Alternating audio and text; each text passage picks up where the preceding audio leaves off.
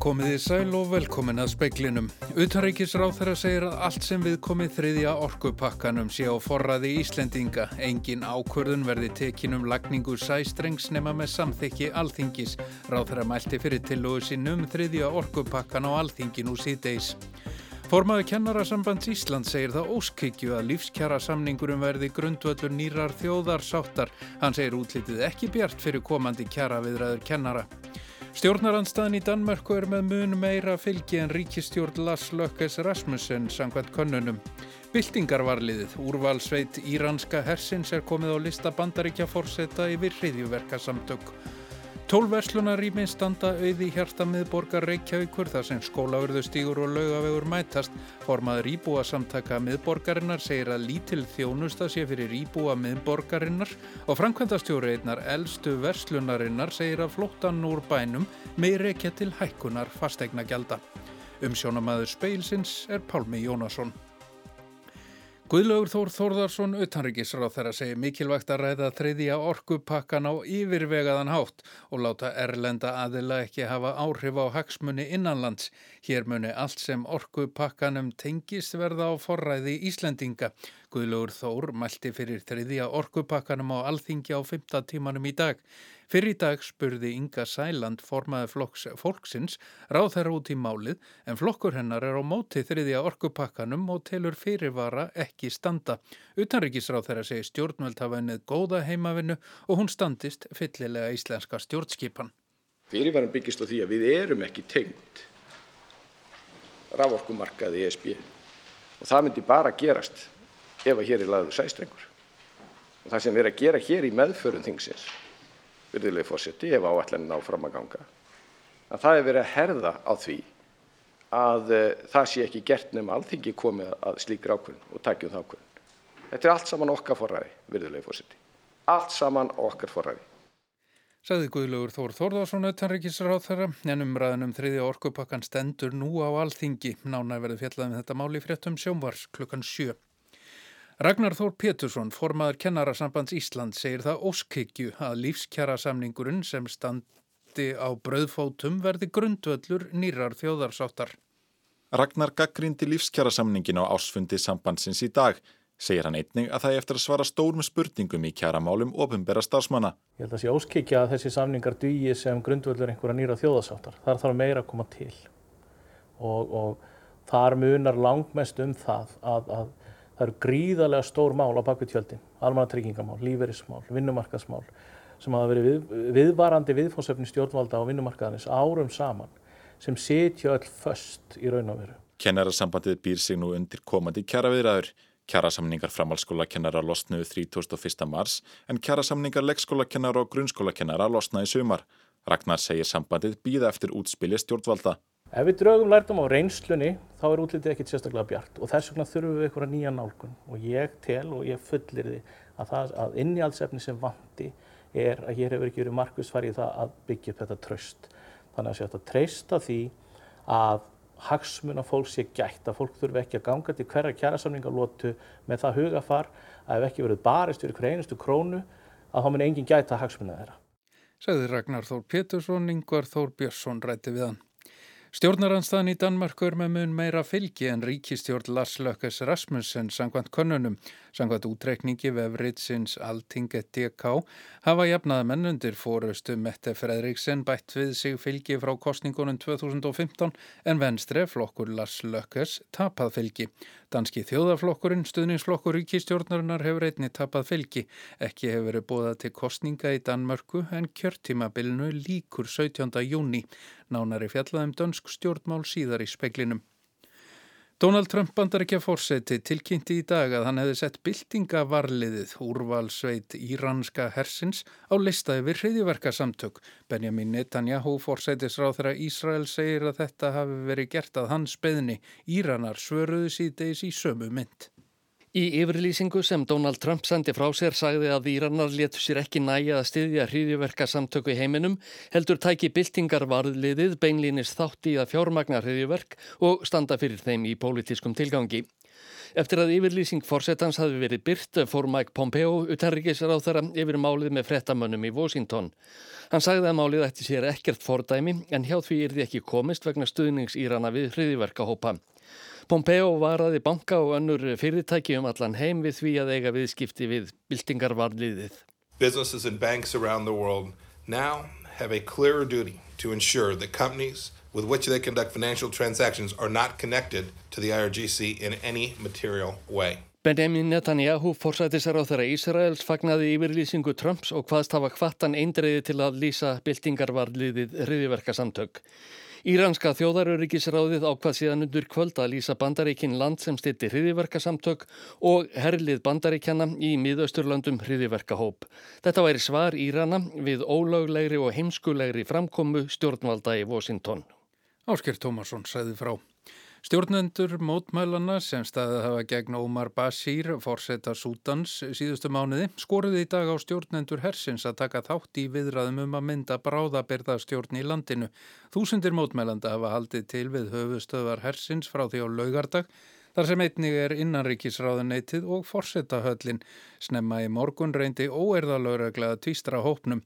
Þeir beittu svo miklu táragassi að fólk fann fyrir því margra kílometra fjarlæð.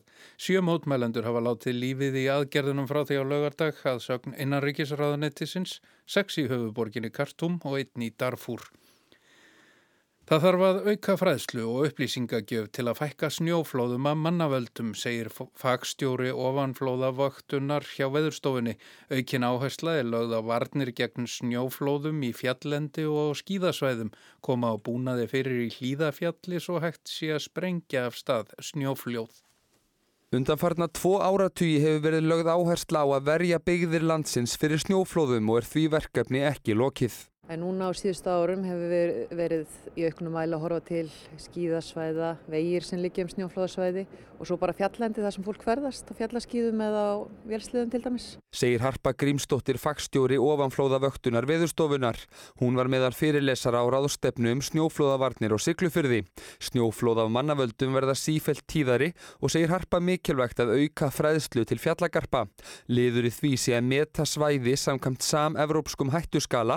veita upplýsingar um aðstæður í raun tíma. Og þetta er eitthvað sem er mikilvægt að við förum að gera af meiri krafti heldur en, heldur en við höfum verið að gera hinga til.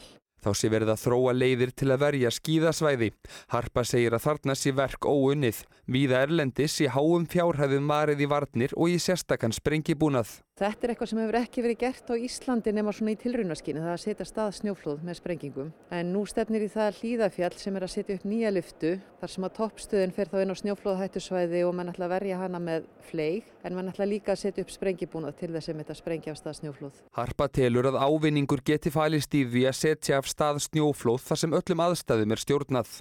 Þetta er mikið notað fyrir ofan bæði vegi og í skíðasvæðum við Erlendis og þetta er að sjálfsögðu eitthvað sem við getum líka notað á einhverjum stöðum. Þetta var Harpa Grímsdóttir Jón Þór Kristjánsson tók saman. Netþrjótar herjuð á ennbætti fórseta Íslands á dögunum með þeim afleðingum að fólk sem hafi sendt þangað tölvupóst fyrir mörgum árum fekk tilkynningu um að hann hafi verið móttekinn. Árni Sigur Jónsson skrifstofustjóri ennbættisins telur að komist hafi verið fyrir þessar svarsendingar. Ekki er vitað hver margir fengust líkan tölvupóst frá ennbættinu, nýja hver stóð fyrir þessu. Árni segir það mjög leiðilegt að einhver hafi bendlað skrifstofu fórsetans við eitthvað þessu líkt. Því miður sé þó ekki hægt að stjórna þessu. Ísraelar gangað kjörborðinu á morgun. Kostningarnar gætu markað endarlokk valdatíðar Benjamins Netanyahu eða tryggt að hann verði sáforsætisráð þeirra sem lengst hefur setið í Ísrael frá upphafi. Kostningarnar eru sagðar þjóðaratkvæða greiðsla um Netanyahu og spillingamál honum tengt gætu skipt sköpum. Kostningarnar fara fram á morgun þriðjudag, útgöngu spár verða byrtar um kvöldmataleitið en endanleg niðurstaða fæst valla fyrir en síðla nætur eða í bítið á miðugudag. Ekki er þar með sagt að öll kurl verði komin til gravar. Stjórnmáli í Ísrael byggjast á viðkvæmum bandalögum ímissa flokka og tryggja þarf meiri hluta á 120 sæta þinginu Knesset. Forsetin metur að kostningum loknum hver líklegastur er til að geta myndað meiri hluta. Árið 2015 tók það Netanyahu rúman mánuð að tryggja sér tilskilin meiri hluta á þinginu. Verði Netanyahu áfram forsætis ráþera tekur hann fram úr landsföðurnum David Ben Gurion í júli sem sá forsætis ráþera sem lengst hefur ríkt. Netanyahu er fyrsti forsætis ráþera landsins sem er fættur í Ísrael. Sérfræðingar segja að kostningarnar séu eiginlega þjóðarat hvaða greiðsla um forsætis ráþeran Benjamin Netanyahu og arleifð hans. Hann varð fyrst forsætisráð þeirra árið 1996 til 1999 og hefur verið forsætisráð þeirra samfleitt frá árinu 2009. Hann er kallað King Bibi eða Bibi konungur og stuðningsmenn hans segja að Ísrael hafi aldrei verið örugara og efnahagur blómstrar sem aldrei fyrr. Andstæðingar gaggrína harlínustefnu hans og fullir það að hann hafi í raun gengið að fríðarferlinu dauðu. Miljónir palestinumanna búa við gríðarlegt hardræði. Ísrael þykir mun hægri sinnaðra undir hans stjórn, hart er tekið á hverskins gaggríni og minni hlutahópar hafa ekki átt upp á pallborðið. Jável stuðningsmönnum hans hefur fundist nóg um hver langt hann hefur seilst til að tryggja sér meiri hluta með því að nutta sér upp við menn sem flokkaðir eru sem öfgafullir kynþáttahattarar. Líklega verður mjótt á munum í þessum kostningum og því gæti Netanyahu þurft að reyða sig á stuðning þeirra allra hörðustu. Netanyahu er í kostningabandalagi með flokki öfgað þjóðirni sinna sem nefnist valdgiðinga sem er sambræðingur ímessa flokka og flokksbrotta á ysta vang stjórnmálana. Í Guardian segir að hugmyndafræði þeirra sé í grunninn frá hennum herska og að rappina Meir Kahane en reyfing hans var bönnuð á grundvelli hriðjuverkalaga. Stuðningsmenn hans segja samkynnegð vera sjúkdóm og vilja reka alla palestínumenn úr landi. Skoðanakannanir er vansi misvísandi og margir segja lítið að marka kannanir í Ísrael. Í könnun sem byrt var um helgina var líkútflokkur Netanyahu stæstur og fengi 29 þingsæti af 120. Blákvíta miðjubandalagið sem nefnt er eftir Ísraelsku fánalitunum fekk einu sæti minna í þessari könnun eða 28 þingsæti. Verkamannaflokkurinn hefur aukið við sér fylgi að undanförnu og fengi 14 þingsæti ef þessi könnun gengi eftir. Sangvært henni fengju hægri flokkarnir samtals 62 þingsæti eða einu umfram lámarks meiri hluta. Viðamikil viðhorskönnun sínir að efnahagsmál skipta kjósendur mestumáli og svo flokksleðtóðanir sjálfur. Utanrikis og varnarmál koma næstað mikilvægi í huga kjósenda. Spillingamál Netanyahu gætu skipt sköpum í afstöðu kjósenda en hann gæti átt yfir höfði sér ákerur í þremur spillingarmálum. Yfirmenn í lauröglu og saksóknari hafa sagt að gefa eigi út ákeru á hendur honum. Verði Netanyahu áfram forsætisráð þeirra gæti kjörtímabilið í einnkenst af varnarbaráttu hans í þessum spillingamálum. Eitt þessara spillingamála tengist dýrum gjöfum, bleiku kampavíni og verðmætum skarkripum frá auðjöfrum víða um heim sem endur gjald fyrir greiða. Annað spillingamál tengist ásökunum um samsæri hans og eiganda mest selda dagblads landsins um að gaggrína helsta andstæðingin en upphefja Netanyahu. Þriðja og alvarlegasta ásökunin er að Netanyahu hafi veitt fjarskipta fyrirtækinu Besek fyrir greiðslu í skiptum fyrir jákvæða umfjöllun. Netanyahu neytar sök í öllum þessum málum og segir ásakanetnar reynar og klárar nortnaveðar. Helsti keppinautur hans er Benny Gantz, 59 ára fyrverandi yfirmaður í hernum og nú leiðtogi blá kvíta miðjubandalagsins sem hefur mælst með sveipað fylgi og líkút flokkur Netanyahús. Gantz hefur litla sem enga reynslu í stjórnmálum en hamrar á spillingamálum Netanyahús. Hann segir að Netanyahu hafi klófið þjóðina og barið stopnarnir landsins til hlýðni, til dæmis lögreglu og domstóla. Bakgrunnur Gans í hernum skiptir marga kjósendur máli og hann bóðar heiðarleika í stjórnmálum. Gans fór með heiminskautum í könnunum framanaf en fylgið hefur heldur dala þegar nær dregur kostningum. Kannanir benda reyndar til að mjög margir kjósendur hafi enn ekki gert upp hugsin sem gerir kostningarnar á morgun enn meira spennandi.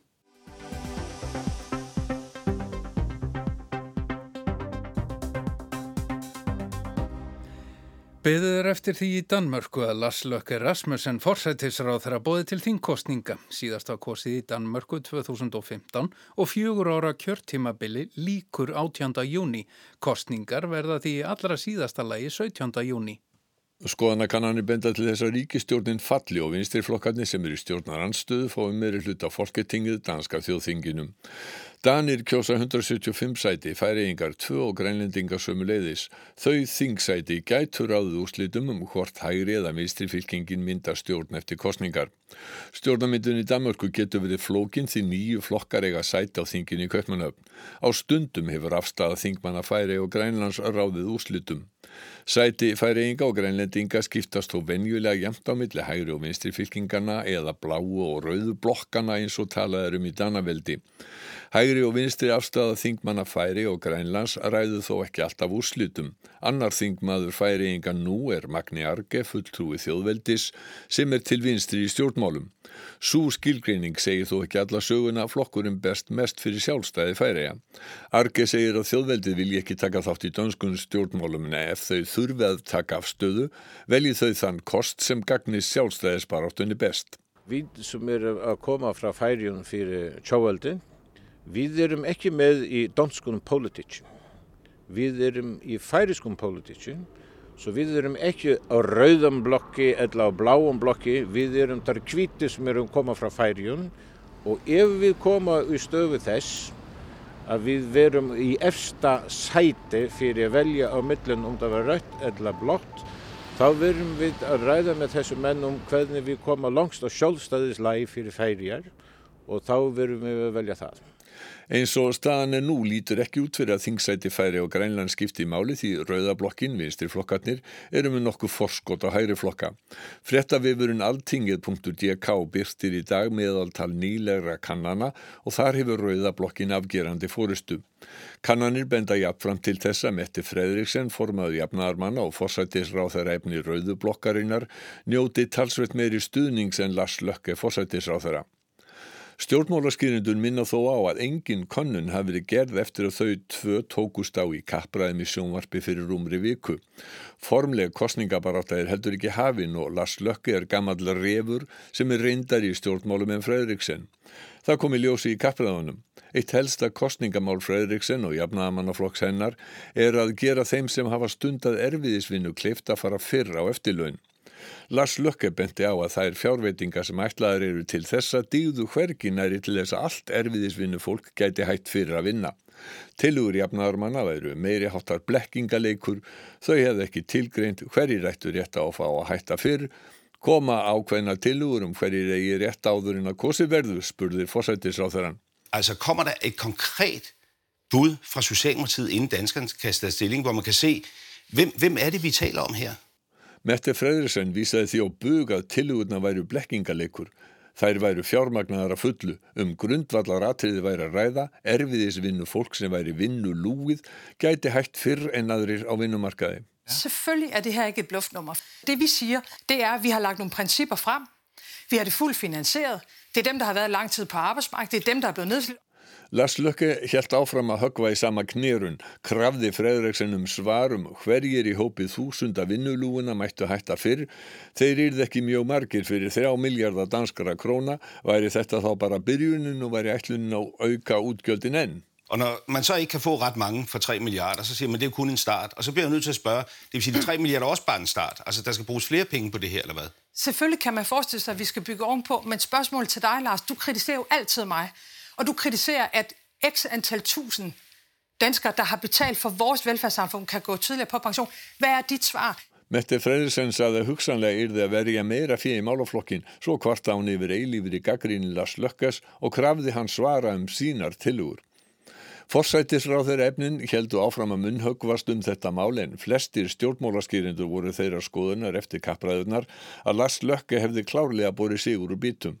Stjórnmálaskýrandi ekstrablasins tók djúft í árinni. Mette Frederiksen tabte stort, og tilsvarende vant Lars Løkke Rasmussen øh, også stort. Og det, der især øh, var afgørende, det var, at Lars Løkke Rasmussen fik nogle meget, meget markante øh, stød ind, der gjorde virkelig ondt i, i forhold til det, det, der handler om tidligere tilbagetrækning. Mette Frederiksen kunne simpelthen ikke svare på, hvem skal have gavn af den ordning. Mette Freyrisson var gjör sigruð, Lars Løkke Rasmussen sló þunghögg sem hljóta hafi verið mjög sársökafull, sérstaklega með rétt vinnulúina til að fara á eftirlaun.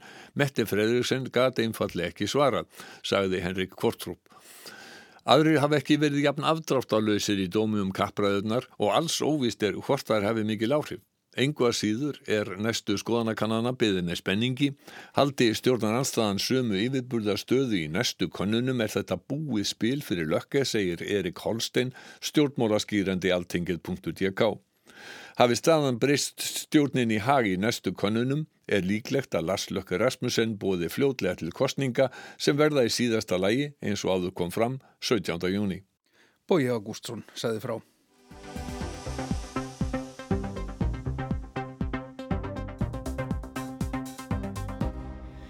Brynjólfur H. Björnsson, framkvæmdastjóri Vestlunarinnar Brynju, segir að rekja megi flótta verslana úr miðborginni til hækkunar fastegnagelda. Þau hafi hækkað um 60% á þremur árum. Benunni Ægjesson, formaður íbúa samtaka miðborgarinnar, segir að lítil þjónust að sé þar nú fyrir íbúa. Bergljót Baldurstóttir fór í bæin. Fjölmarkar þekktar vestlanir sem hafa verið lengi við laugaveg í Reykjavík hafa undanfarið verið fluttar á brott. Til dæmis má nefna að nýlega var herrahúsið flutt í Ármúla en svo verslun var við laugaveg í um halva öld. Verslunin Kunigund sem var 37 ár við laugaveg hefur verið lokað og Frank Mikkelsen úr smiður sem verið hefur við laugaveg í 76 ár flytur verslun sína í Hafnartorg á næstunni. Við Benóni erum á horninu þar sem mætast skólavörðustígur, laugavegur og bankastræti þar sem hefur verið mikil gróska í verslun í gegnum tíðina. Það eru tólf laus verslunar húsnaði hérna í, á, á þessum staða og mjög litlum bletti. Teljum þau upp aðeins? Hérna, reyndar hérna nummer 8, það er nýbúið að hérna, fara í rekstöðu, það var búið að standa alltaf lengi aukt Númer 6 er hérna tómt núna og það er, það er eh, limt fyrir glugga og eins og er númer 4 þannig að það er nú ekki gott að segja þú veist hvað er í, í gangi þar en þetta er búið að vera tómt allir tíma. Síðan er það hérna í númer, númer 1, eh, Paffhúsið gamla, þar er náttúrulega neðst að reyndar allt húsið, er fimm hæðir sem er, sem er tómt. Það er hluti af þessar, þessar framkvæmdi á laugafi 46 og síðan er það búðinans, gamla búðinans Helga heitins úsmiðs sem er, sem er tóm. Og þetta er allt hérna við skólaverustíð? Þetta er sem... skólaverustíðin sko. Hér hefur verið mikið af sko handelsfólki. Eh, Helgi sagði mér nú einhver tíma að það hefur verið átta úsmiðar á skólaverustíðinu þegar hann var að byrja ekki 60 eitthvað. Og síðan þegar, þegar hefur greinlega verið ódýrar að leia hérna heldur en á, á laugaveginu vegna að hér fylltist alltaf tíanbili af hérna handelsbúðum og, og galleríum og, og, og listiðin að því sem er svo að hópa núna fyrir ferðamannaveslu. För maður hérna niður fyrir, sko, eða hérna yfir. Sko, hér erum við nú komin hérna að hodninu. Já, þetta er laugavegu 2 og þar eru tvö rými sem eru, sem eru tóm, sem, sem hérna fóa var, eða fóa hérna það, og síðan sjoppan hérna við hliðina sem var reynda sko svona sushi takeaway hérna síðast.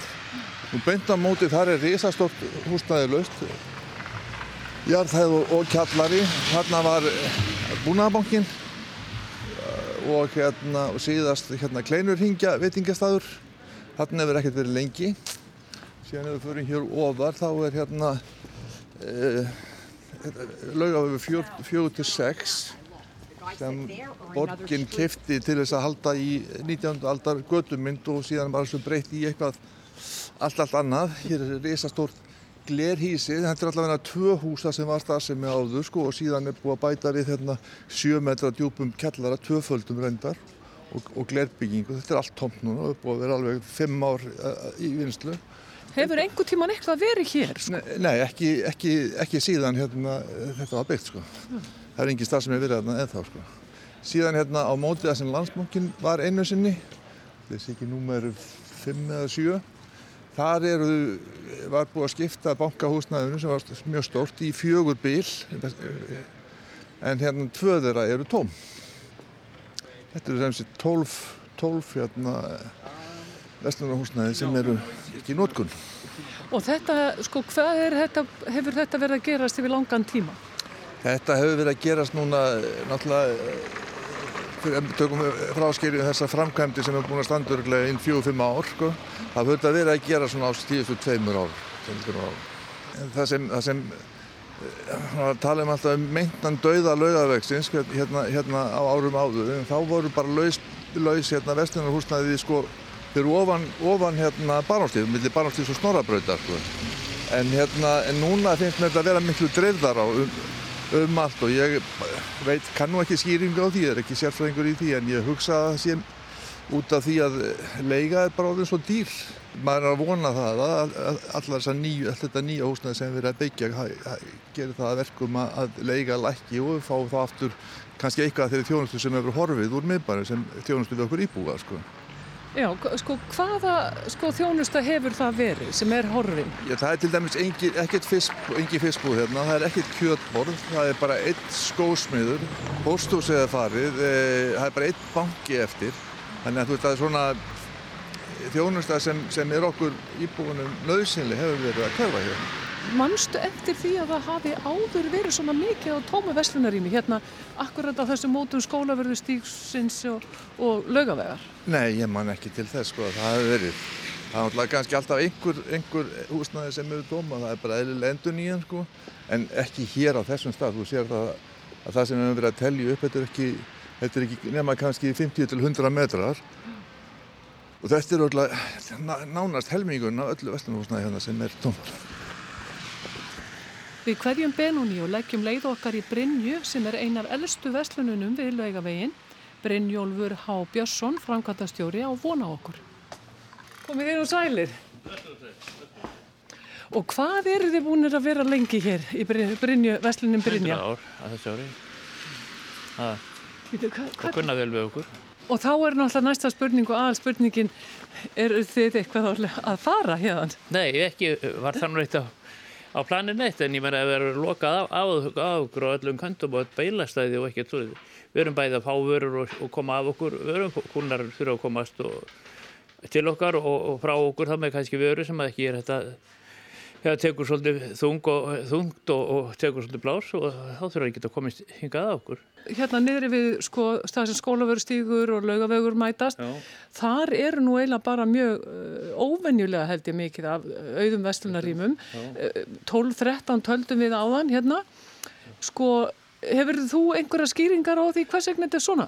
Sko, það sem ég, svona, einföld skýring á þessu er bara að, að fastelningjöldir eru alltaf há hérna og þegar þau eru svona há þá, þá náttúrulega hækka bara húsalegan og eigundur húsana eða eigundur veslanina sem að standi ekki orðið undir, undir þessum há húsalegu.